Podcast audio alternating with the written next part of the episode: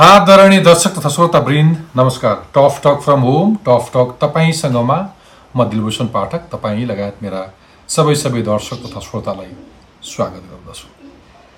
Corona virus covid उन्नाइसको सङ्क्रमण सुरु भएको करिब नौ महिना भयो। यो अवधिमा संसारका करिब तिन करोडभन्दा बढी मानिसहरू सङ्क्रमित भएका छन् भने करिब दस लाखको ज्यान गइसकेको छ। सङ्क्रमणको दर अहिले नेपालमा पनि बढेर गएको छ। र झन्डै सत्तरी हजार सङ्क्रमित भइसकेका छन् भने मृत्यु हुनेको सङ्ख्या पनि पाँच सय हाराहारीमा पुग्दैछ। यति छोटो अवधिमा संसारभर नै फैलिएको यो भाइरसको रोकथाम र नियन्त्रणको ठुलो चुनौती अब हामी सामु पनि देखा पर्दैछ।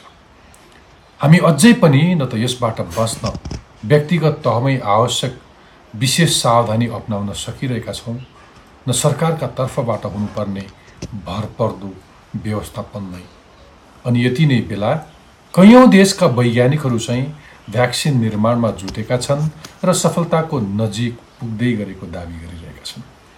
अनि धेरै जसो देशहरूले त आफ्ना नागरिकलाई बचाउन भ्याक्सिन उत्पादक कम्पनीहरूसँग प्रि बुकिङ समेत गर्न थालिसकेका छन्। कोरोना विरुद्धको भ्याक्सिनको विकास कहाँ पुग्दैछ कसरी भइरहेको छ यसको विकासका लागि अरू कति समय लाग्छ? यसका जटिलताहरू के छन्? भ्याक्सिन पत्ता लागेको अवस्थामा नेपालले छिटो आफ्नो मुलुकमा भित्र्याउन के पहल गर्दैछ? कि संसारका अन्य मुलुकहरू भ्याक्सिन बनेको अवस्थामा कसरी आफ्नो मुलुकमा ती भ्याक्सिनहरू ल्याउने र आफ्ना नागरिकलाई बचाउने भनेर तदारुकता देखाइरहेको अवस्थामा नेपाली अधिकारीहरू चाहिँ के गरिरहेका छन्? यसका साथै अहिले बढिरहेको सङ्क्रमितको सङ्ख्या र मृत्युले के सङ्केत गर्छ? आगामी दिनमा हामीलाई कोरोना भाइरसले कसरी घेर्दैछ र यसका नयाँ कस्ता परीक्षण विधि तथा उपचार पद्धति विकास भइरहेका छन्? यस्तै प्रश्नको जवाब खोज्नका लागि आजको संवादमा मैले तिनजना डक्टर्सहरूलाई निम्त्याएको छु। मसँग हुनुहुन्छ अमेरिकाबाट डक्टर विजय ढकाल। उहाँ कोरोना भाइरसका कठिन टेस्टहरू गर्ने अमेरिकाको सोनिक रेफरेन्स ल्याबको कोभिड उन्नाइस टास्क फोर्समा साइन्टिफिक एडभाइजरको रूपमा कार्यरत हुनुहुन्छ। त्यस्तै नेपालबाट जनस्वास्थ्यविद समेत रहनुभएका चिकित्सक सङ्क्रामक रोगका शोधकर्ता र पछिल्लो समय भ्याक्सिनको विकासबारे चासो राखिरहनुभएका जनस्वास्थ्य विज्ञ डक्टर किरणराज पाण्डे र फोक्सो तथा क्रिटिकल केयरमा विशेषज्ञता राख्नुहुने डक्टर रक्षा पाण्डे। डक्टर किरण पाण्डेसँग इन्टरनल मेडिसिन स्वास्थ्य सम्बन्धी अनुसन्धान लगायतको विशेष अनुभव छ भने रक्षा पाण्डेसँग सिङ्गापुर स्थित नेसनल युनिभर्सिटी अस्पतालमा सात वर्ष काम गरेको अनुभव छ। आउनु स्वागत गरौँ। आजका मेरा तिनै अतिथिहरूलाई तपाईँहरू सबैलाई आजको tough talk from home tough talk तपाईँसँगमा स्वागत गर्न चाहन्छु। धन्यवाद। धन्यवाद। म आजको संवाद डक्टर रक्षा पाण्डेबाटै सुरु गर्न चाहन्छु। डक्टर रक्षा पाण्डे तपाईँ फोक्सोसँग सम्बन्धित अथवा क्रिटिकल केयरको एक विज्ञ हुनुहुन्छ। सिङ्गापुर अवस्थित नेसनल हस्पिटलमा लामो समय काम गरेको अनुभव पनि छ। यो कोरोना भाइरस भन्ने बित्तिकै यसले सबैभन्दा पहिले आक्रमण गर्ने भनेको फोक्सो नेपालको कन्टेक्समा पहिले केसहरू अत्यन्तै कम थियो। सङ्क्रमण दर पनि कम थियो मृत्यु दर पनि कम थियो। तर अहिले एकाएक सङ्क्रमितहरूको सङ्ख्या बढ्यो र लक्षणसहितका क्रिटिकल रोगीहरूको सङ्ख्या बढ्यो र तपाईँको युनिट जहाँ तपाईँ तिनीहरूको स्पेसल केयर गर्नुहुन्छ फोक्सोसँग सम्बन्धित क्रिटिकल केयर युनिट त्यस्ता युनिटहरूको अभाव पनि छ। केस बढ्दैछ तर हामीसँग आइसियु अथवा भेन्टिलेटर्सहरूको अभाव छ। तपाईँले मलाई ठ्याक्कै भन्दाखेरि आज हामी कुन अवस्थामा छौँ कतातिर जाँदैछौँ अथवा भोलिको अवस्था आङ्कलन गर्नु नै पो बुद्धिमानी हुन्छ कि यो संवादको प्रारम्भमा? हजुर अब हामीलाई केसेस राइज भइरहेको बढिरहेको त अब हामी सबैलाई थाहा छँदैछ। हरेक दिन बाह्र सयदेखि चौध सयको हिसाबले बढिरहेछ। अब यो बढ्दा चाहिँ के हुन्छ भने पहिला पहिला हामीले भर्खर भर्खर सुरु हुँदाखेरि माइल्ड भने धेरै कडा नभएको केसेसहरू देख्थ्यौँ। तर अब गएको दुई महिना त्यस्तोमा चाहिँ जति बिरामीहरू आइरहनु भएको छ उहाँहरू चाहिँ सिम्टम भएको।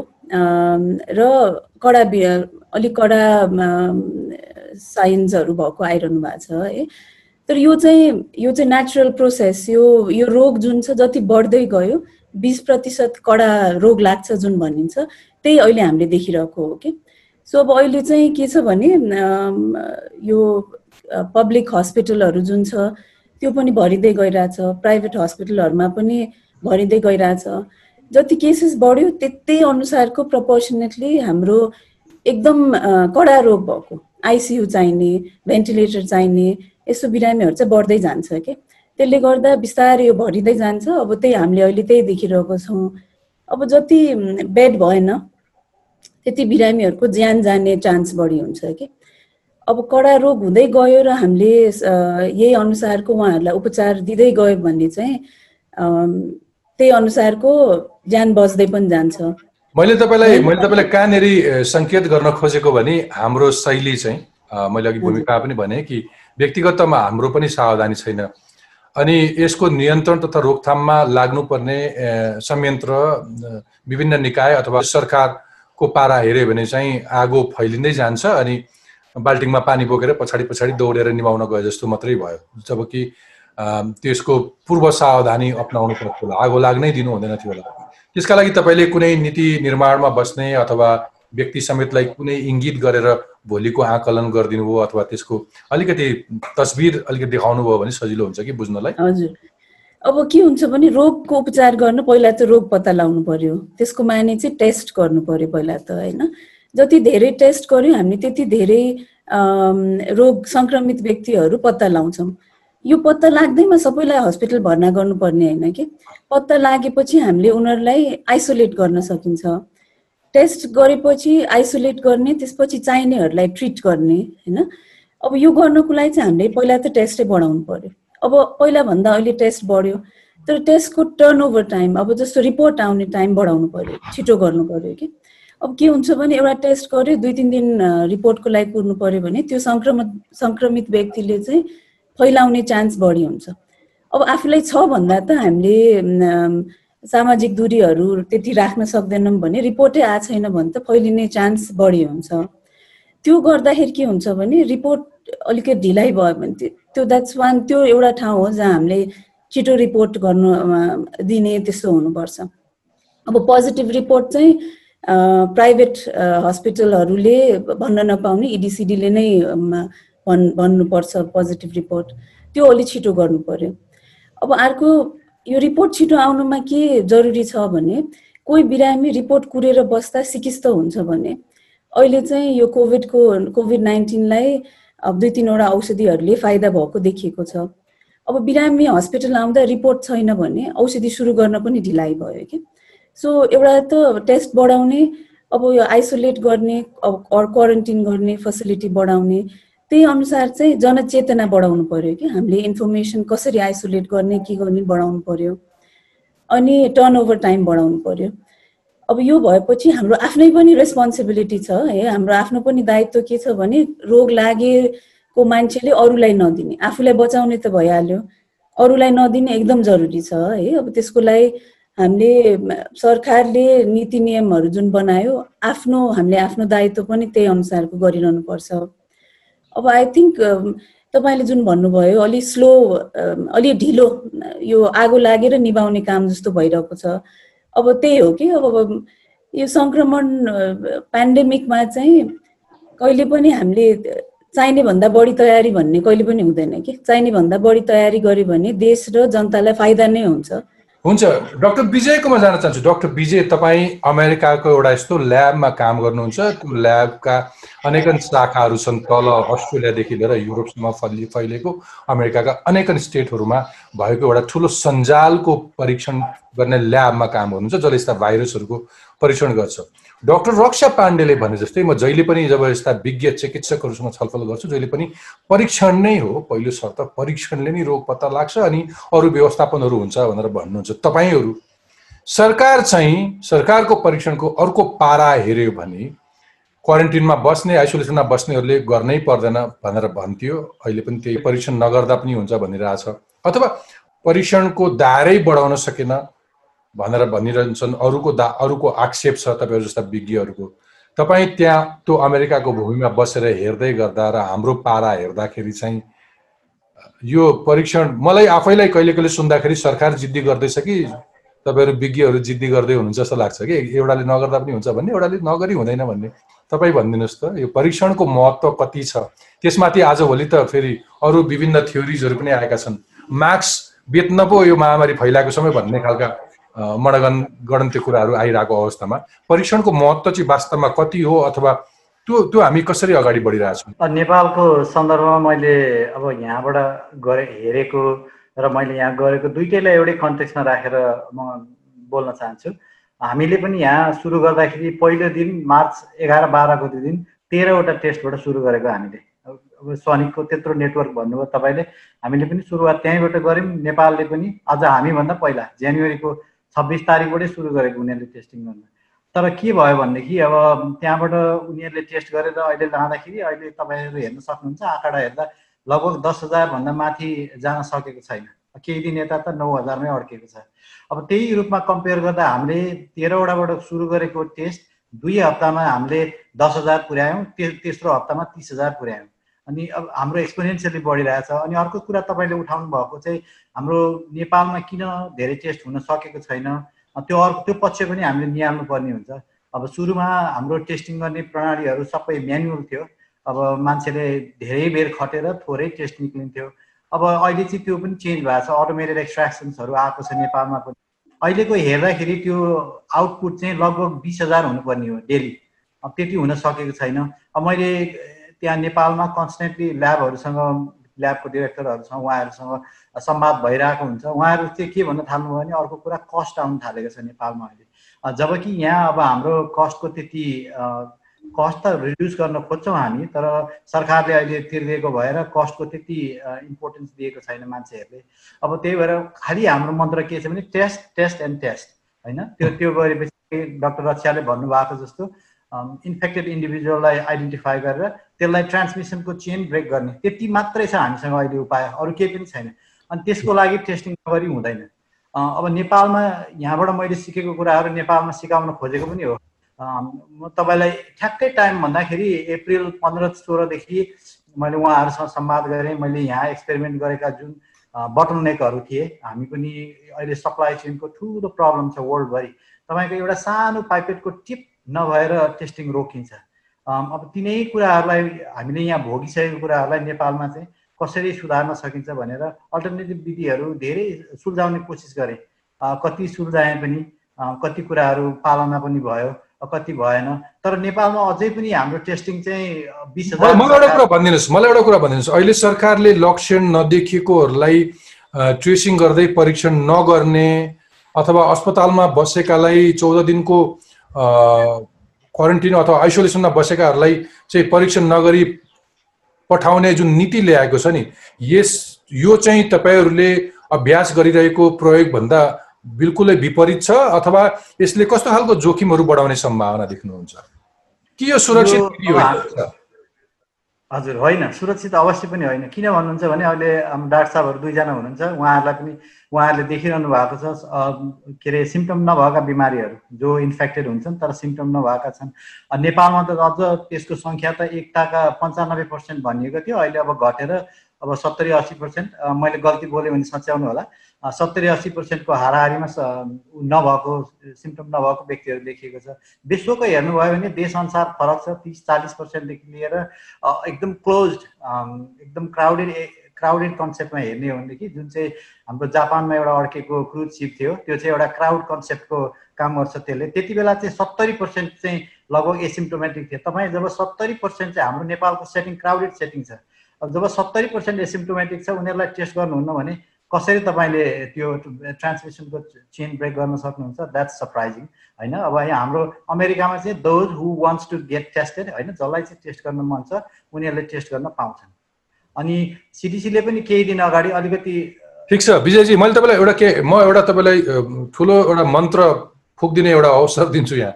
तर यहाँ धेरै विज्ञहरू इभन स्वास्थ्य मन्त्रीज्यू पनि यही टकमा आएर अथवा अरू धेरैहरूलाई बडो उम्किने बाटो पनि छ। कि तपाईँ उभिएकै भूमिको उदाहरण दिएर पञ्चिन्तन पनि। कुनै एउटा समय थियो कि तपाईँको न्युयोर्कमा यो कोरोना भाइरस फैलिँदाखेरि राज्यले करिब हातै उठाएको स्थिति पनि थियो कति केसमा।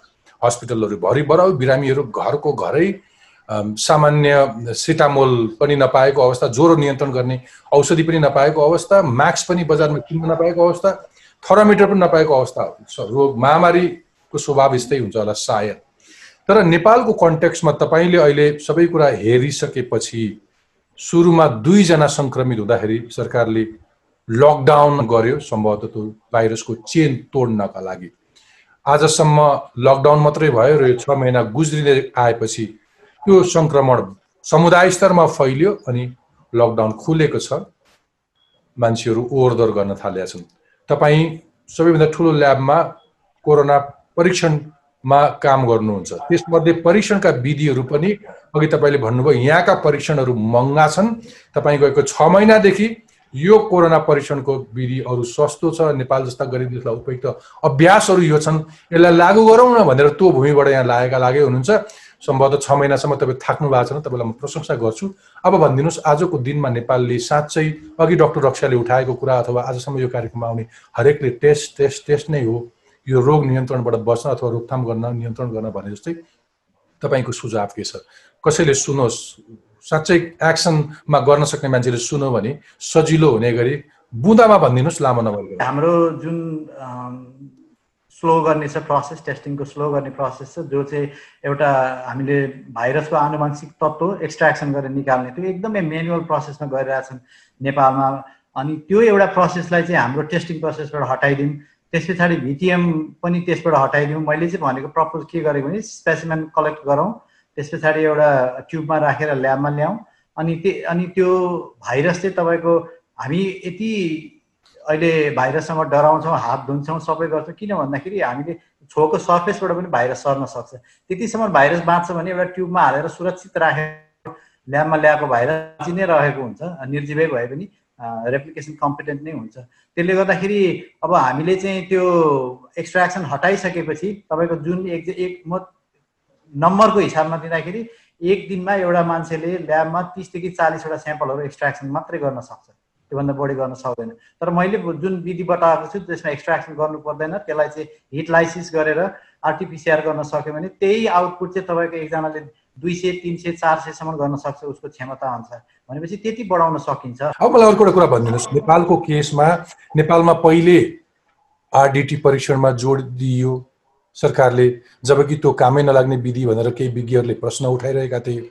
पछि आएर त्यो रोकेर पिसिआर परीक्षण गरिँदैछ। सम्भवतः त्यो सबैभन्दा वैज्ञानिक खालको प्रविधि भएकोले गर्दाखेरि।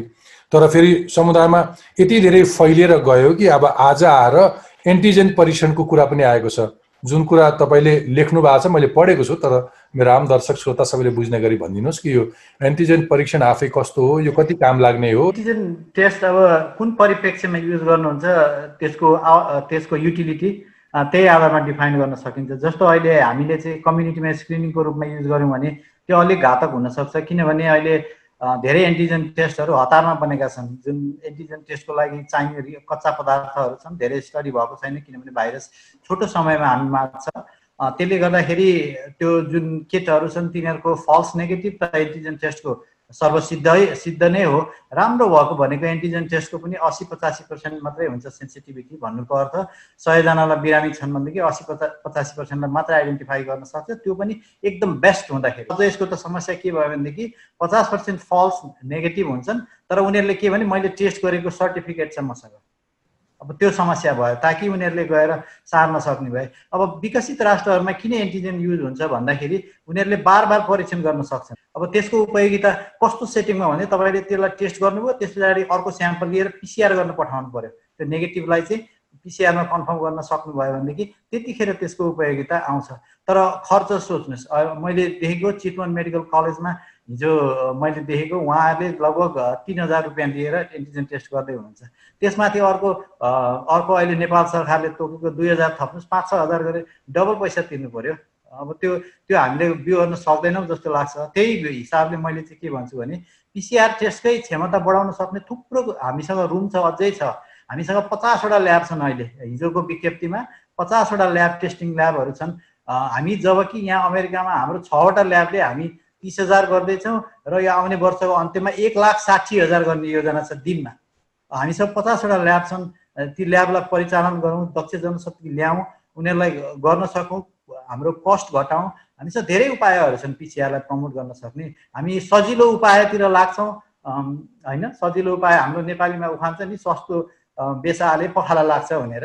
अब तर तर तर तर तपाईँ त यो भन्दै हुनुहुन्छ कि फेरि त्यो एन्टिजेनलाई सस्तो बेसार भने पनि पिसिआर आफै पनि फेरि सस्तो रूपमा गर्न सकिन्छ भनेर तपाईँको तर्क छ। ठिक छ।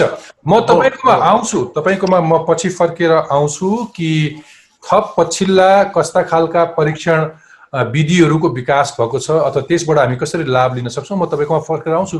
म डाक्टर किरण राज पाण्डेकोमा जान चाहन्छु। विशेष गरी भ्याक्सिनको बारेमा क्रमैसँग आउँछु पछिल्लो विकास के छ कस्तो छ भने डाक्टर पाण्डे तर पहिले पछिल्लो सङ्क्रमणको अवस्थाको बारेमा समीक्षा गर्न मन लाग्यो।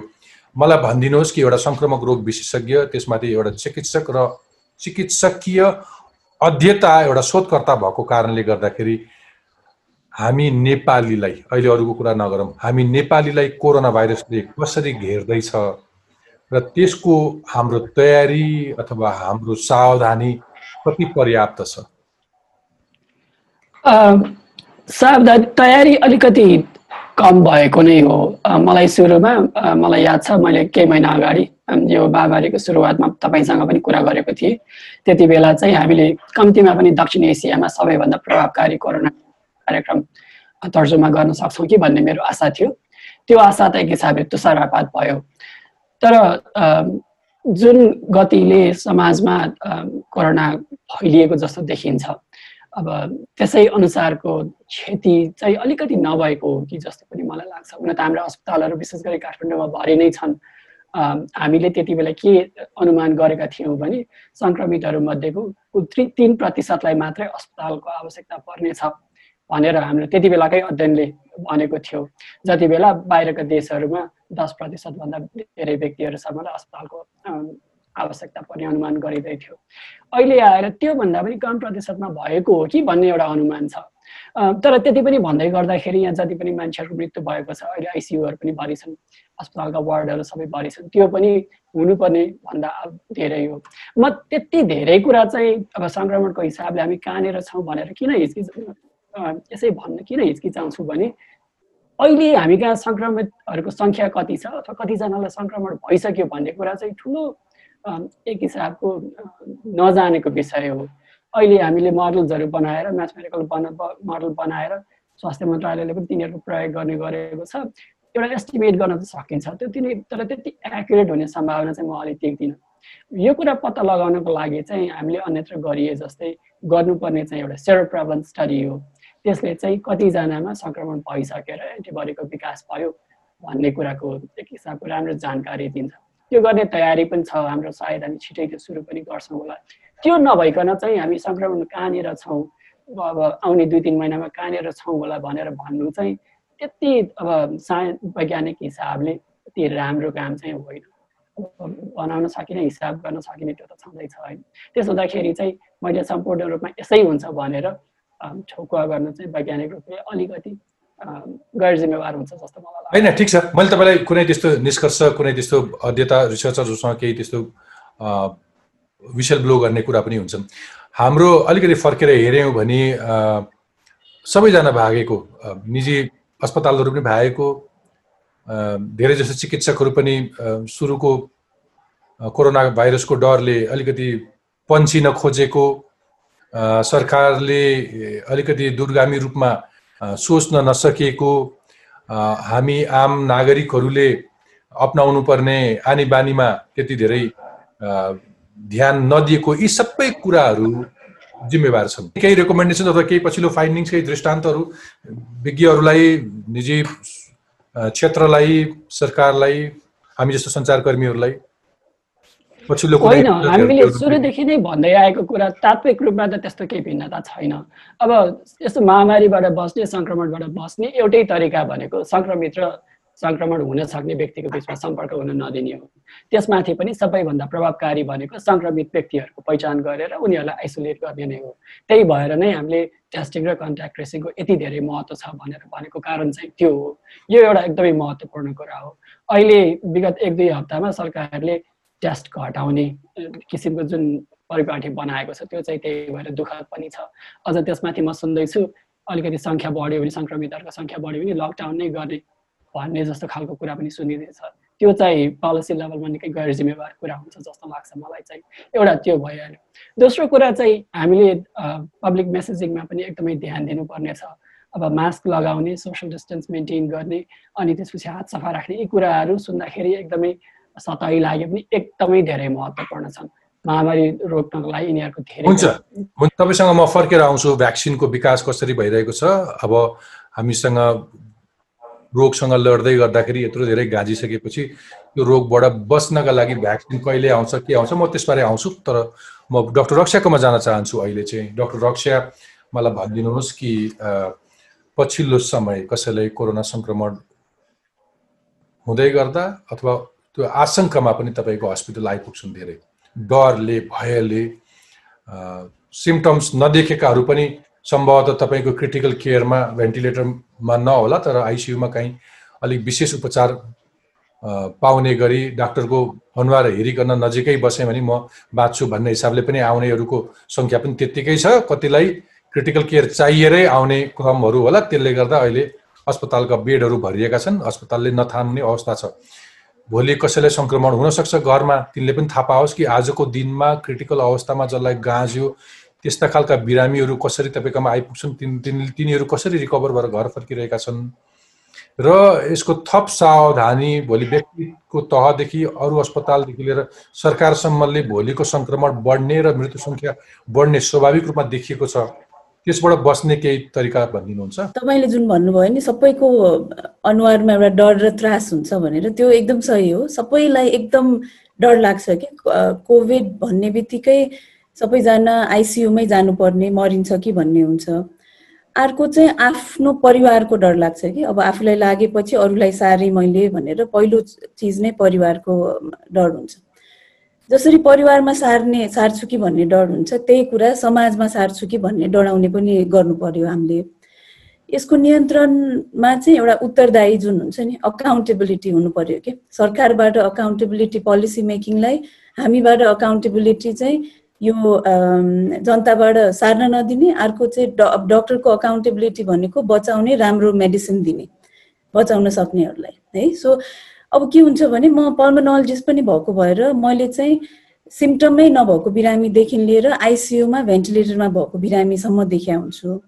अब के हुन्छ भने साधारण एसिम्टोमेटिक सिम्टमै नभएको या माइल्ड सिम्टम भएको साधारण सिम्टम भएकोहरूलाई चाहिँ अब अहिले होम आइसोलेसन घरैमा बस्न सकिने हुन्छ। घरमा बस्न बस्दाखेरि चाहिँ आफूले नसार्ने चाहिँ एकदमै जरुरी छ कि अरूलाई नसार्ने। त्यसकोलाई चाहिँ आइसोलेट भएर छुट्टै कोठामा सकिन्छ भने बाथरुम पनि छुट्टै राखेर गर्नु पर्यो अरूको सम्पर्कमा आउनै भएन। केही गरी एकदम जरुरी सम्पर्कमा आउनु छ भने दुवै पार्टीले मास्क लाउनु पर्यो हातहरू धुनु पर्यो है। अनि घरमा चाहिँ अब लाग्यो भनेर आतिहाल्नु पर्दैन तर एकदम चेतना चाहिँ लिनु पर्यो कि हामीले अलर्ट चाहिँ हुनु पर्यो अब आफ्नो टेम्परेचरहरू यो ज्वरोहरू नाप्ने अब सकिन्छ भने अक्सिजन नाप्ने यन्त्र छ भने त्यो अक्सिजन नाप्ने। जब आफूलाई स्या स्या बढ्छ र आफ्नो सिम्टम निको भइरहेको मान्छेलाई पनि सिम्टम बढ्न थाल्यो भने यो कोभिड चाहिँ जो चिकित्सा हुन्छ त्यो युजली दोस्रो हप्तामा हुन्छ कि। सात दस दिनमा अब सात दिन भइसक्यो मलाई केही हुँदैन भनेर नसोच्नु होइन? केही गरी सिम्टम बढ्यो भने चाहिँ यति बेला हस्पिटल आउने या डक्टरको सम्पर्कमा बस्ने। अब आफूलाई स्या स्या बढाएको छ खोकी बढ्यो ज्वरो नआएको मान्छेको सडनली ज्वरो बढ्न थाल्यो या हातहरू निलो हुन थाल्यो त्यस्तो छ भने तुरन्त हस्पिटल आउनु पर्यो है। हस्पिटल आउनु अघि हस्पिटललाई भने भने इन्फेक्सन कन्ट्रोल प्रिकसनहरू लिन सकिन्छ है। त्यो भयो। यो त घरैमा बसेर सरकारले सरकारले जटिल अवस्थामा पुगेकालाई मात्र अस्पतालमा पुर्याउने अरू चाहिँ होम आइसोलेसनमै बस्नुपर्ने जुन नीति छ सरकारको यसमा हामी सबैले त्यसलाई महत्त्वका साथ ध्यान दिन सक्छौँ होइन त त्यसो भए? कुरा त्यही नै हजुर अब हजुर अब किनभने हेर्नुहोस् उहाँ घरै सामान्य सिम्टम भएकोहरूलाई चाहिँ उहाँहरूले बेड अब हेर्नुहोस् यो सबै आइडियल वर्ल्ड सबैको लागि बेड हुने भएको भए हामी सबैलाई राख्ने भन्थ्यौँ होइन। तर अब जटिल र अलि सिकिस्त बिरामीहरूको लागि बेड चाहिएको अवस्थामा घरैमा बस्ने आइसोलेसनमा बस्नेहरूको चाहिँ ठुलो रेस्पोन्सिबिलिटी छ कि उनीहरूको ठुलो दायित्व छ। आफूलाई बचाउने र अरूलाई नदिने। सो त्यो गऱ्यो भने घरमा राम्ररी गर्न सकिन्छ। अनि हस्पिटल आउँदैमा अब हस्पिटलमा पनि अब सिभियरिटी अनुसार यो कति जटिल छ त्यो अनुसारको हामी सबैलाई आइसियुमै राख्दैनौँ। वार्डमै हेर्न सकिन्छ। अक्सिजन चाहिने भएपछि हस्पिटल आउनुपर्छ। किनभने यो कोभिड चाहिँ कोही कोहीमा आज ठिक छ भोलि एकदम सिकिस्त भएर भेन्टिलेटरमा बस्नु भएको बिरामीहरू पनि हुनुहुन्छ कि? अनि यो नसोच्नु कि यो हामी बुढाबुढी अर अलि उमेर भएकोलाई मात्र हुन्छ भनेर चाहिँ नसोच्नु है हामीले धेरै एकदम तिस वर्ष बिस वर्षकाहरूलाई भेन्टिलेटरमा राखेको छौँ। अब तर सङ्क्रमण बिस तिस वर्षलाई भएपछि घर गएर सबैको घरमा धेरै जसोको घरमा बुवा आमाहरू हुनुहुन्छ हजुरबुवा हजुरआमाहरू हुनुहुन्छ। उहाँलाई आफूलाई केही नहोला तर उहाँहरूलाई सरे भने आफू जतिको लकी हुँदैन कि? सो त्यही भएर ठिक छ। डक्टर पाण्डे तपाईँले तपाईँले कस्तो म चाहन्छु कि यो कार्यक्रमको कुनै विज्ञले भनेको कुराले आम नागरिकलाई लाभ पुगोस्। जहाँ कम्युनिकेसन ग्याप छ त्यो ब्रिज गर्न सकियोस्। तपाईँले एउटा व्यक्तिलाई सम्झेर केही कुरा गर्नुभयो। मलाई मिठो ला सुन्दर लाग्यो। तपाईँलाई म अझै स्पेस दिन्छु कि यो बेलामा हरेक नागरिकलाई चिन्ता छ रोगले गाँच्छ भनेर अनि अस्पताल हेरेर बस्ने हो अनि लागे पनि नलागे पनि अस्पतालमा ओहिरो छ। तर त्यसले असहयोग पनि हुन्छ। अति ठुलो भिड भयो भने तपाईँलाई असहयोग पनि हुन्छ। त्यसकारण यसलाई कन्टिन्यू गर्नुहोस् कि एउटा नागरिक म जस्तो आम मान्छेले यो बेलामा तपाईँ जस्ता चिकित्सा कर्मीहरूलाई अस्पताललाई जुन व्यवस्थापन गर्न गाह्रो भइरहेछ मैले के के गरेँ भने सहयोग पुग्छ।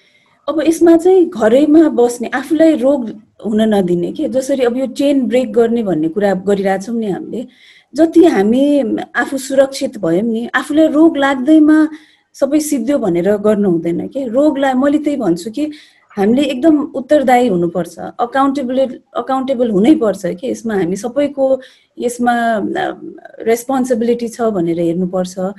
अब आफूलाई रोग लाग्यो घरमा आइसोलेसनमा बस्नेहरूले सार्ने डर हुन्छ होइन त्यही भएर के गर्ने भने नडराउने तर कुन चेतक चाहिँ हुने चेतना चाहिँ हुनु पर्यो कुन बेला आफूले डक्टरको सम्पर्कमा बस्न सक्ने हुनु पर्यो अब यही कुरामा चाहिँ म के भन्छु भने अहिले धेरै टेस्टहरू भइरहेछ। पोजिटिभहरू बिरामीहरू घरमा अब इडिसिडीले पनि घरमा आइसोलेसन गरे हुन्छ भनेको छ तर घरमा आइसोलेसन गर्नेले के गर्ने त भन्ने भएन कि बाटो भएन।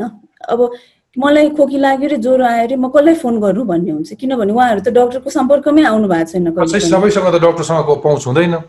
एक्ज्याक्टली सो त्यही भएर के हुन्छ भने जब सरकारले यो नीति नियम बनाउँछ नि घरमा आइसोलेसन गरेर कहाँ फोन गर्ने त? कसलाई फोन गर्ने भन्ने त्यो पनि बनाउनु पर्यो कि?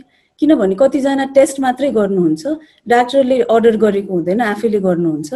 त्यसपछि डक्टर कहिले पनि भेटेको छैन है? अब यसमा बाहिर विदेशतिर हटलाइनहरू हुन्छ यहाँ पनि छ। एउटा सकारात्मक पक्ष के छ भने सरकार त तिनवटा छन् यो देशमा अहिले भलै अब नागरिकले कति अनुभूत गर्छन् त्यो अर्को पक्ष हो। तर स्थानीय सरकार छ स्थानीय वडा सदस्य वडा अध्यक्षसँग उनीहरूको केही न केही पहुँच छ। उनीहरूले अस्ति राहत वितरणदेखि लिएर स्थानीय तहमा क्वारेन्टिन आइसोलेसन सेन्टर्सहरू बनाउँदै गर्दाखेरि लकडाउनै भए पनि कुनै न कुनै तहसँग नागरिकको संवाद छ स्थानीय सरकारसँग नागरिकको ढोका ढोकासँग एक्सेस छ।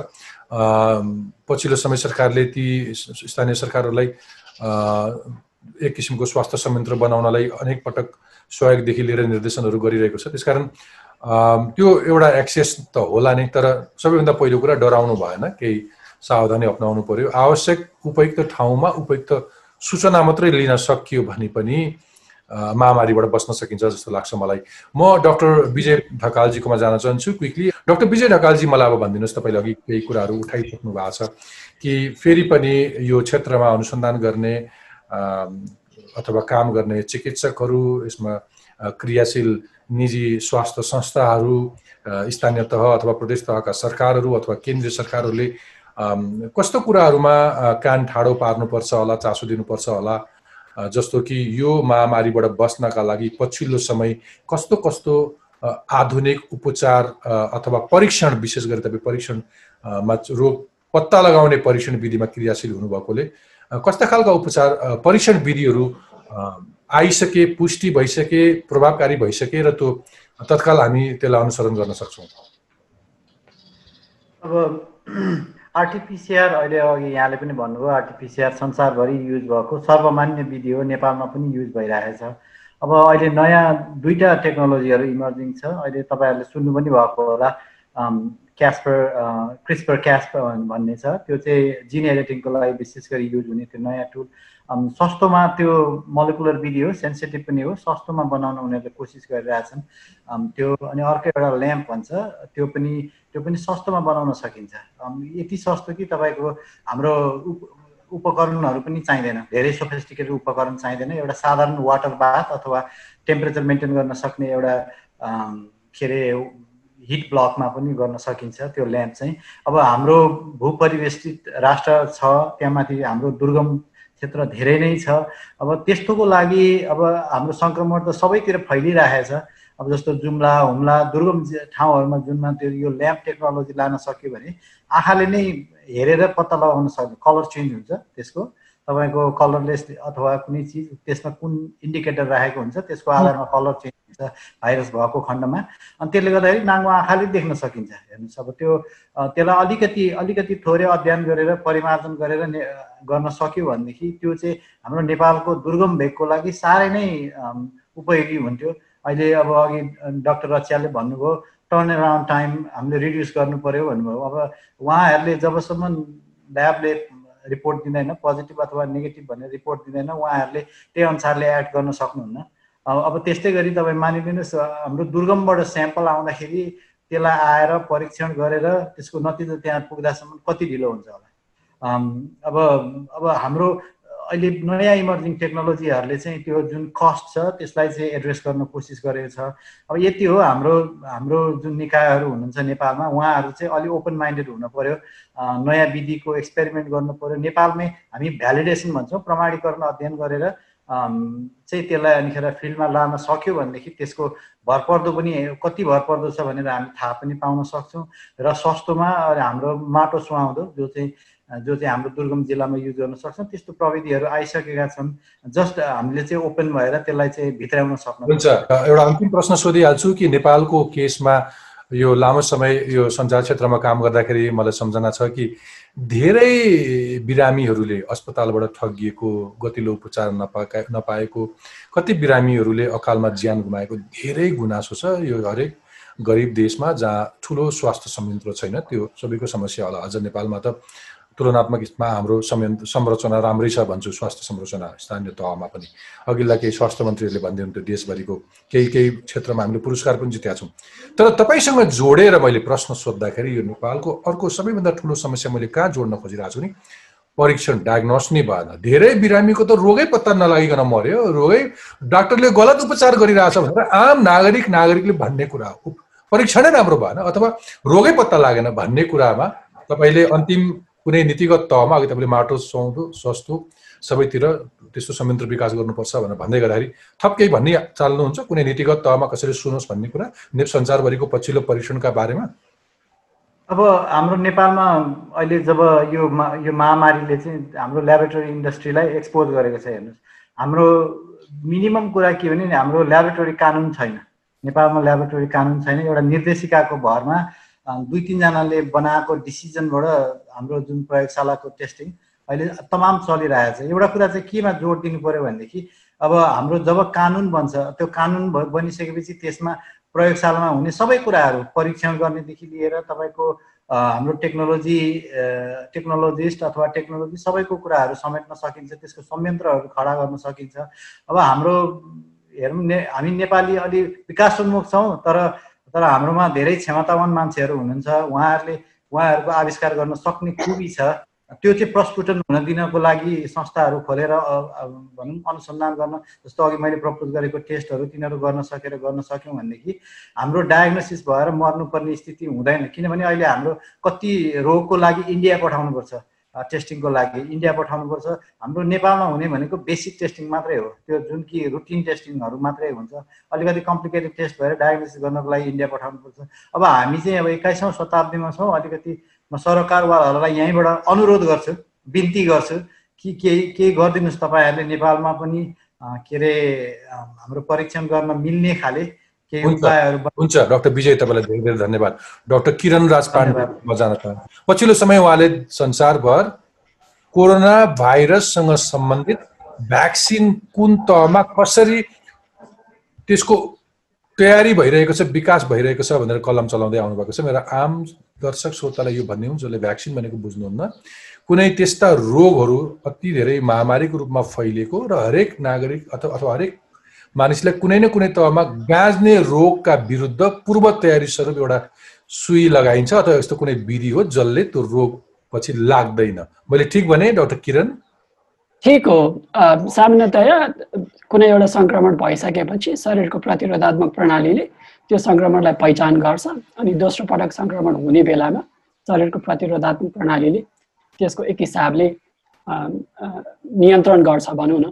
त्यो सामान्य सिद्धान्त हो। त्यही सिद्धान्तमाथि टेकेर कृत्रिम रूपमा प्रतिरोधात्मक प्रणालीलाई विकास गरिने तरिका भ्याक्सिनेसन भ्याक्सिन एब्सोल्युटली अब यो कोरोना भाइरसले जतिसुकै महामारी फैलाए पनि भ्याक्सिन जुन दिन बन्छ र त्यो उपलब्ध भयो र त्यो सरकारले ल्याएर नागरिकले लायो भने अनि यो कोरोनाको भय करिब अन्त्य होला। अब मलाई भनिदिनुहोस् कि यो कोभिड नाइन्टिन अथवा कोरोना भाइरस विरुद्ध भ्याक्सिन पछिल्लो समय संसारका ठुल्ठुला मुलुकहरू अमेरिका चिन रुस बेलायतहरूले कस्तो खालको अभ्यास गर्दैछन् कुन परीक्षणको कुन तहमा पुगिरहेको छ पछिल्लो अपडेट दिनुहुन्छ मलाई?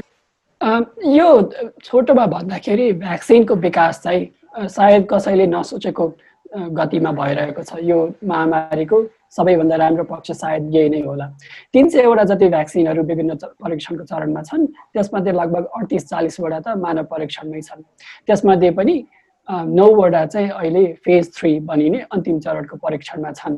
विभिन्न देशहरूले यी भ्याक्सिनहरू बनाइसकेका बनाइरहेका छन्। तिनवटा भ्याक्सिनलाई त विभिन्न तिनवटा सरकारहरूले भ्याक्सिनहरूलाई केही सीमित वर्गको लागि प्रयोग गर्नको लागि भनेर अनुमति नै दिइसकेको अवस्था पनि छ। हुन त त्यो मेरो विचारमा त्यो दिने अनुमति दिने काम चाहिँ वैज्ञानिक दृष्टिकोणले भन्दा पनि अरू दृष्टिकोणहरूले गरिएको हो। त्यही स्ट्यान्डर्डले त अहिले हामीसँग नौबाट अनुमति प्राप्त भ्याक्सिन हुन्थे तर पनि अब आउने केही महिनामा मेरो अनुमानमा डिसेम्बर तेह्रसम्ममा अन्तिम रूपमै अनुमति प्राप्त कम्तीमा पनि एउटा या दुईवटा भ्याक्सिन चाहिँ उपलब्ध हुने छाँटकाँट म देख्दैछु। अब त्यति भन्दै गर्दाखेरि राजनीतिक निर्णय अलि हाबी भयो भने त्योभन्दा अगाडि पनि हुनसक्छ सो सोचेको जस्तो गतिमा विज्ञान अगाडि बढेन भने अलिकति पछाडि पनि जान सक्छ। तर अहिलेसम्मको उपलब्ध प्रमाणअनुसार चाहिँ डिसेम्बरदेखि जनवरी फेब्रुअरीसम्ममा एउटा राम्रो भ्याक्सिन कम्तीमा पनि हामीलाई उपलब्ध हुनुपर्ने कस्तो राम्रो कुरा गर्नुभयो। मलाई यो अन्तिम हरेक कार्यक्रम अलिकति पोजिटिभ नोटमा आशा देखाउन मन लाग्छ। मलाई एउटा कुरा भनिदिनुहोस् कि यो भ्याक्सिनको तीव्र गतिमा परीक्षणहरू भइरहेकै बेलामा कति जवाबदेही मुलुक भन्छु। जति कति मुलुकले आफ्नो नागरिकको चिन्ता गर्दै त्यस्ता भ्याक्सिन उत्पादक कम्पनीहरूसँग कदम कचादी तिमीले भ्याक्सिन काम लाग्ने बनायो भने चाहिँ मलाई बेच्नुपर्छ है भन्ने शर्तसहित प्रि बुकिङ गर्न थालिसकेका छन्। त्यो मामलामा हाम्रो नेपाल सरकार चाहिँ तपाईँ शोधकर्ताले कहाँ देख्नु भएको छ कि अहिले कुनै त्यस्तो अप्रोच छ? पछिल्लो पटक चाहिँ म सम्झिन्छु कि नेपालमा पनि स्वास्थ्य अनुसन्धान परिषदले बेलायत रुस चिन लगायत परीक्षण भइरहेका भ्याक्सिनहरू नेपालमा पनि परीक्षण गर्न दिने भनेर निर्णय गरेको थियो। यसको रिक्स साइड पनि होला नि फेरि होइन? अब म यस विषयमा हामीले बाहिरबाट लेखेर स्वास्थ्य मन्त्रालयभित्रैबाट पनि नीतिगत तहमा नीति निर्माणकर्ताहरूलाई पनि झकझक्याएर यस विषयमा काम गर्न पनि खोजि नै रहेछौँ नेपालको अहिलेको तयारी चाहिँ त्यस्तो नराम्रो चाहिँ छैन यो विषयमा। अब एक हिसाबले तर्कपूर्ण ढङ्गले जे जे गर्नुपर्ने हो ती कामहरू चाहिँ भएकै हुन्। परीक्षण गर्न सके त राम्रै हो तर त्यो सबैभन्दा महत्त्वपूर्ण कुरा पनि अहिले यो पोइन्टमा त्यो सबैभन्दा महत्त्वपूर्ण कुरा पनि त्यसलाई म भनेर भन्दिनँ। तर पनि भ्याक्सिन उपलब्ध हुँदाखेरि हामीले त्यो भ्याक्सिन कसरी लिने भनेर पूर्व तयारी गर्नुपर्ने जुन जुन काम हुन् ती कामहरू चाहिँ केही भएका छन्। अब यहाँले भन्नुभयो कतिपय देशहरूले चाहिँ पहिल्यै प्रिबुक गरिसकेका छन्। त्यो काम चाहिँ मलाई मेरो दृष्टिकोणबाट एउटा नेपाली नागरिकको दृष्टिकोणले थोरै गैर जिम्मेवार चाहिँ लाग्छ विकसित देशहरूको दृष्टिकोणमा। किनभने अहिले विकसित देशहरूले आगामी वर्ष आउने भ्याक्सिनहरूको लगभग लगभग पचास प्रतिशत जति भ्याक्सिन बिस अर्ब डलर खर्च गरेर बुक गरिसकेका छन्। तर उहाँहरूले ती देशहरूले बुझेको या बुझ पचाएको कुरा चाहिँ के हो भने संसारको कुनै कुनामा महामारी रहिरहेसम्म उनीहरूको देशमा पनि रहने नै हो। अब आयो नेपालको कुरा नेपालले के गर्नुपर्ने हो भने नेपालले भ्याक्सिन पाउने चाहिँ एउटा डब्लुएचओको मेकानिजम छ कोभ्याक्स भनिने। त्यसले चाहिँ एक सय छप्पन्न देशलाई एउटा संयन्त्रभित्र ल्याएको छ। त्यसमा चौसठी धनी देशले चाहिँ पैसा हाल्नेछन्। बाँकी नेपाल जस्तो पैसा तिर्न नसक्ने बयानब्बे देशहरूले चाहिँ त्यहीँबाट कि त थोरै पैसा तिरेर नभए पैसै नतिरेर भ्याक्सिन लिन सक्ने एउटा अवस्था सृजना गरिएको छ अब त्यसको राम्रो पक्ष के हो भने भ्याक्सिन उपलब्ध हुने बित्तिकै सीमित सङ्ख्यामा त्यहाँबाट भ्याक्सिन आउने आशा गर्न सकिन्छ डिसेम्बरतिर आयो भने जनवरी फेब्रुअरीसम्ममा आउला त्यहाँबाट उनीहरूले सुरुमा तिन प्रतिशत व्यक्तिहरूलाई पुग्ने भ्याक्सिन दिनेछन् भनेपछि नेपाल भएकोमा उनीहरूले दस लाख भ्याक्सिन दिनेछन् त्यति गरेर ल्याउन सकियो भने हामी कहाँ नर्सहरूलाई डाक्टरलाई अस्पतालमा काम गर्ने अन्य कर्मचारीलाई पुलिसलाई आर्मीलाई फ्रन्टलाइनमा काम गर्ने सम्पूर्ण व्यक्तिहरूलाई भ्याक्सिन दिन पुग्ला। त्यसपछि हाम्रो मुटु अलिकति डह्रो हुन्छ। अस्पतालमा डाक्टर नर्सले पनि अलिकति खुट्टा नकमाइकन काम गर्न सक्छन्। त्यसपछि आगामी महिनाहरूमा मलाई लाग्छ पुरै सन् दुई हजार एक्काइसभरि नै लाग्नेछ सबै व्यक्तिहरूले भ्याक्सिन लगाउनलाई। तपाईँ हामी जस्तो मान्छेहरूले चाहिँ नेपालको हकमा मैले मन्त्रालयको कुरा पनि अलिकति सुनेको छु। प्राइभेट मार्केटमै लगाउने हो। सरकारले चाहिँ बिस प्रतिशतभन्दा बाँकी व्यक्तिहरूलाई वृद्ध वृद्ध वृद्ध अनि फ्रन्टलाइनमा काम गर्ने व्यक्तिहरू बाहेक अरूलाई चाहिँ मैले बुझेअनुसार सरकारले आफ्नो खर्चबाट भ्याक्सिन दिने त्यो चाहिँ मैले बुझेको छैन। सरकारले यहाँनिर गर्नुपर्ने अर्को काम चाहिँ के छ भने आफ्नो सप्लाई चेन आफ्नो लजिस्टिक म्यानेजमेन्टको काम चाहिँ एकदमै बलियो बनाउनु पर्नेछ त्यो म्यानेजमेन्ट चेन चाहिँ त्यो सप्लाई चेन हामीसँग छ। तर त्यसले अहिले केही लाखौँ व्यक्तिको लागि भ्याक्सिन पुऱ्याउने लाखौँ बच्चाहरूको लागि भ्याक्सिन पुऱ्याउने काम गर्छ।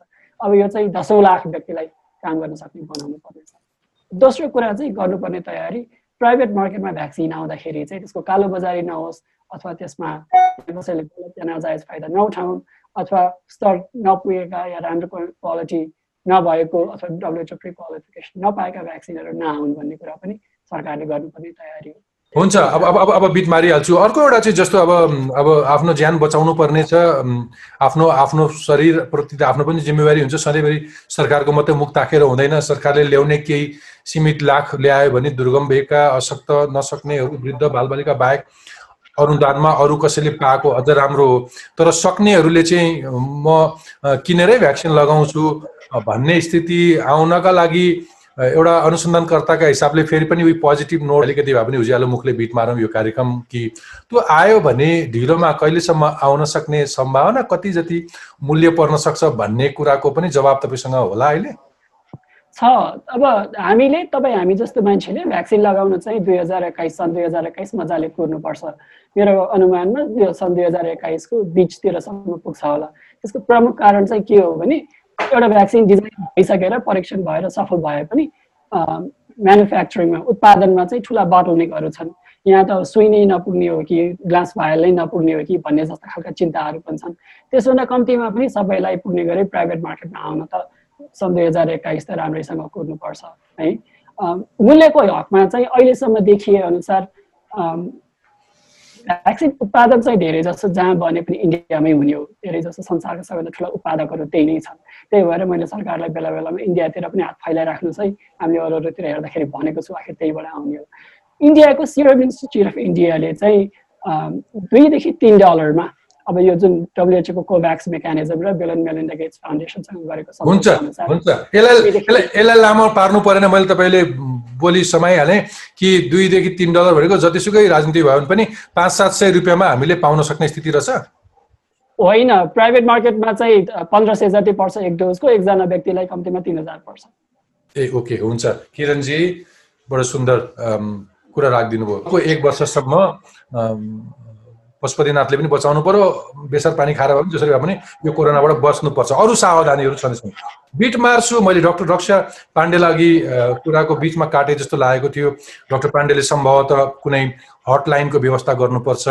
नागरिकलाई सूचनामा पहुँच दिनुपर्छ ऊ घरमा आइसोलेसनमा बस्दाखेरि क्वारेन्टिनमा बस्दा के गर्नुपर्छ भनेर भन्दै खोज्दै हुनुहुन्थ्यो होला। मैले स्थानीय सरकार छ नि भनेर भने। तर यो बिचमा मलाई धेरै मानिसले प्रश्न गरेको कुरा के भने यत्रो कोरोना भाइरस कोरोना भाइरसको कुरा गऱ्यौँ सरकारी संयन्त्र छ भनेर भने। एउटा हटलाइन भनिदिनुहोस् मलाई। एउटा नम्बर भनिदिनुहोस् त दिलभूषणजी भन्दाखेरि। मसँग मुखाग्र पनि रहेनछ कुनै त्यस्तो नम्बर पनि रहेनछ जस्तो लाग्यो सजिलो। त्यस्तो कुनै छ? एउटा नागरिक आत्तियो केही सूचना चाहियो। हस्पिटल आउने के गर्ने भनेर हस्पिटलहरूले पनि आफ्नो ठाउँमा त त्यसरी हटलाइनहरू जारी गर्न सक्थ्यो होला। त्यस्तो केही? अनि म बिच मार्छु रक्षाजी तपाईँबाट। हजुर यो सरकार यो एमओएचपीको हटलाइनहरू भनेर छन चाहिँ छ। तिनवटा आई थिङ्क मोबाइल नम्बर र ल्यान्डलाइन नम्बरहरू दिएको छ। अब त्यो कति प्रयोगमा आउँछ र कति बिजी हुन्छ त्यो त्यो मलाई अलिक थाहा सरकारले त चाहँदाखेरि हन्ड्रेडको पुलिस अथवा ट्राफिकको एक सय तिन दमकलको एक सय दुई केही त्यस्तै भने जस्तै एकदमै छोटो एउटा दुइटा अङ्कको नम्बर राखिदिएको भए त हुन्थ्यो होला नि। बाह्र पन्ध्रवटा नम्बर कसलाई सम्झन्छ? हजुर त्यो चारवटा नम्बर पनि छ के अरे पन्ध्र पन्ध्र तेह्र र मलाई एक्ज्याक्टली त याद भएन। है हजुर। अब त्य- त्यही हो त्यो महामारीमा सजिलो बनाउनु पर्छ कि इन्फर्मेसन ग्यादर गर्न सजिलो बनाइदिनु पर्छ र ट्रिटमेन्ट लिन सजिलो बनाइदिनु पर्छ कि। अब यही सन्दर्भमा टेस्ट पनि सजिलो इन्फर्मेसन पनि सजिलो र ट्रिटमेन्ट पनि सजिलो बनाइदियो भने मात्रै हुन्छ। हामीले यसलाई अन्डर एस्टिमेट गर्नु हुँदैन है यो उसलाई यो महामारी फैलिरहेको छ र ज्यान जाने चान्स एकदम बढी छ। सो यसमा सबैले सतर्कता अप्नाउनु पर्छ अब लास्टमा म त्यही भन्छु डराएर हुँदैन तर सतर्क एकदम हुनुपर्छ। सार सर्न आफूलाई सर्नबाट बच्नु पर्यो अरूलाई सार्न भएन र मर्ने सङ्ख्या घटाउनु पर्यो अहिले एकदम बढिरहेको छ है। सो त्यही भएर हामीलाई डर चाहिँ त्यही हो कि डाक्टरहरूलाई कि यो बढेर आउट अफ कन्ट्रोल आफ्नो हातबाट उ भयो भने धेरैको ज्यान जाने मैले तपाईँको। कुरा बुझेँ। मैले तपाईँको कुरा गरेँ। म तपाईँलाई जानकारी गराउँ। मेरो दर्शक श्रोता तपाईँ अतिथिलाई पनि लकडाउन सुरु भएको दिन नेपालमा कोरोनाको भएको भए उत्पन्न भएको दिनदेखि लकडाउन गरेको दिनदेखि म टफ टक तपाईँसँग टफ टक फ्रम होम भनेर यो श्रृङ्खला नियमित आयोजना गरिरहेको छु। र यसको एउटा मात्रै उद्देश्य अहिले अरू धेरै राजनीतिक गेस्टहरू आउने हो टफ टक। अरू उत्तरदायित्व खोज्दै अरू नीतिगत तहमा बस्ने मान्छेहरूलाई बोलाउँथे तर यो पछिल्लो समय सरकारका सूचनाहरू अथवा यो महामारीसँग सम्बन्धित सही तथ्यहरू विज्ञका कुराहरू आम नागरिकले थाहा पाउन् भनेर म नियमित जोड्ने प्रयत्न त गरिरहेकै छु। अम, तपाईँलाई लागेको कुरा म थाहा पाउ पाउँदै गरौँ अथवा मेरा आम दर्शक श्रोताबाट पनि केही प्रतिक्रियाहरू पाउने गरौँ। फेरि पनि आग्रह डाक्टर रक्ष पाण्डेले भने जस्तै स्थानीय सरकारले यो प्रयत्न गर्न सक्छ कि आम नागरिकले त्यही सूचनाको ग्याप भएको फाइदा उठाएरै अहिले त कन्सपिरेसी थ्योरी यो यो रोगै होइन। यसमा हाउगिजी सिर्जना गरिएको छ। मास्क बेच्नका लागि कोरोना महामारीको हावा फिजाइएको अथवा पिसिआर मेसिन बेच्नेहरूले अथवा त्यसका लागि चाहिने अरू सामग्रीहरू बेच्नेहरूको राजनीति हो भन्नेसम्मका अफवाहहरू फैलाइएको छ। तपाईँहरू विज्ञ यो कार्यक्रममा आउनेले पटक पटक दोहोऱ्याएर भन्नुभएको छ कि यो रोगै हो यो महामारी नै हो यसले धेरै मान्छेको ज्यान लिएको छ धेरै मान्छेलाई असहज बनाइदिएको छ अर्थतन्त्र चौपट पारेको छ यसलाई हल्का रूपमा नलियो भनेर तपाईँ भन्नुहुन्छ तर त्यो फाइदा उठाउने त्यस्ता गलत सूचना प्रवाहहरू पनि भइरहेछन् त्यसमा पर्नु भएन। र सरकारी संयन्त्रबाट नागरिकलाई कुनै रोग लाग्यो अथवा यो अवस्थामा तिमीले कहाँ सूचना पाउँछौ भनेर सजिलो सूचनाको संयन्त्र बनाउनुपर्छ भन्ने डाक्टर रक्ष पाण्डेको सुझाव थियो। तपाईँहरू सबैलाई आफ्नो महत्त्वपूर्ण काम छोडेर आजको कार्यक्रममा आइदिनु भयो विशेष धन्यवाद दिन चाहन्छु। धेरै धन्यवाद। थ्याङ्क यू आदरणीय दर्शक तथा श्रोतावृन्द कार्यक्रमको अन्त्यमा तपाईँको प्रश्न। म कुम्भ सुवेदी काठमाडौँ। मेरो जिज्ञासा प्रधानमन्त्रीज्यू समक्ष रहेको छ। एकताका जिउने आशासम्म त्यागेको इटाली आज विद्यालय सञ्चालनमा ल्याउनसम्म सफल भएको छ। तर नेपालमा भने कोरोना उपचारका निम्ति लकडाउनको सुविधा र शिक्षा एवं यातायातका निम्ति सरकारको दुविधा बढेको देखिन्छ। यसरी तीन तहको सरकार रुमली रहँदा यो महामारीको पार र सङ्घीयताको प्रारूपले सार पाउला त। नमस्ते मेरो नाम हिरा काजी महर्जन। म बागमती प्रदेश किर्तिपुरबाट।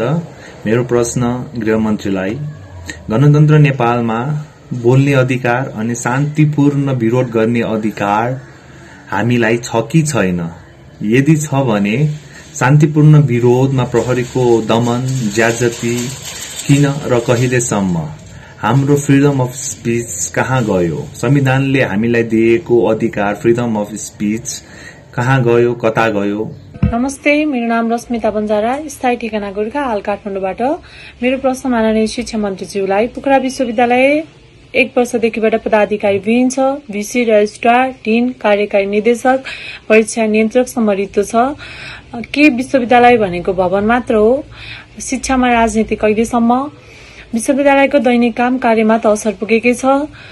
पास भइसकेका विद्यार्थीहरूको प्रमाणपत्रमा हस्ताक्षर गर्ने व्यक्ति नहुनाले फलस्वरूप न त जागिर गर्न पाएका छन् न त उच्च शिक्षा नै। एकसठीवटा शैक्षिक कार्यक्रम र छैसठीवटा क्याम्पस र तेत्तिस हजार विद्यार्थीलाई टुरो बनाइएको छ। यो लापरवाही कहिलेसम्म? शिक्षा मन्त्रीज्यू अब त कुम्भकरणको चिर निन्द्राबाट बिउजने हो कि? नमस्ते म गोमेश काठमाडौँ वडा नम्बर नौ सिनामङ्गलबाट।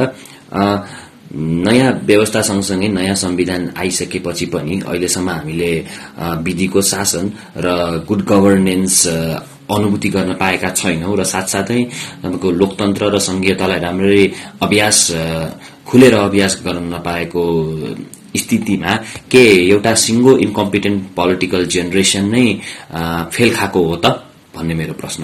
नमस्कार म भीष्म नेपाल। प्रदेश नम्बर पाँच पाल्पा। मेरो जिज्ञासा सम्बन्धित निकायको लागि। कोरोना कहरका कारण विगत छ महिनादेखि विद्यार्थीहरू घरमा बस्न बाध्य छन्। विद्यालय कहिले खोल्ने अनिश्चित छ। शहरी भेगका केही विद्यालयहरूमा अनलाइन क्लास चलिरहेको बताइरहँदा अधिकांश दूरदराजका विद्यार्थीहरू इन्टरनेट पहुँचबाट टाढा छन्। यसतर्फ सम्बन्धित सरकारवाला निकायको भावी योजना के होला? अबदेखि टफ टकमा तपाईँ आफै पनि प्रश्न राख्न सक्नुहुनेछ। सरकारमा बस्ने हुन् वा प्रशासन चलाउने सार्वजनिक ओदामा बस्ने हुन् वा समाजका जिम्मेवार मानिएका व्यक्ति तपाईँ जसलाई पनि प्रश्न गर्न सक्नुहुनेछ। उत्तर नआउन पनि सक्छ तर प्रश्नको प्रभाव अनेक किसिमले परिरहेकै हुन्छ। त्यसैले आजै आफ्नो क्यामेरा उठाउनुहोस् नाम र ठेगाना भन्नुहोस् र कसलाई के प्रश्न हो छोटो प्रश्न हामीलाई पठाउनुहोस्। हामी सबैभन्दा राम्रा प्रश्नलाई कार्यक्रममा समावेश गर्नेछौँ। हवस् त अर्को हप्ता यसरी नै भेटौँला। कार्यक्रमका बारेमा टक टकको युट्युब पेजमा आफ्नो प्रतिक्रिया लेख्न नभुल्नुहोला। स्वस्थ रहनुहोस् सुरक्षित रहनुहोस् आजलाई बिदा दिनुहोस्। नमस्ते। शुभरात्रि।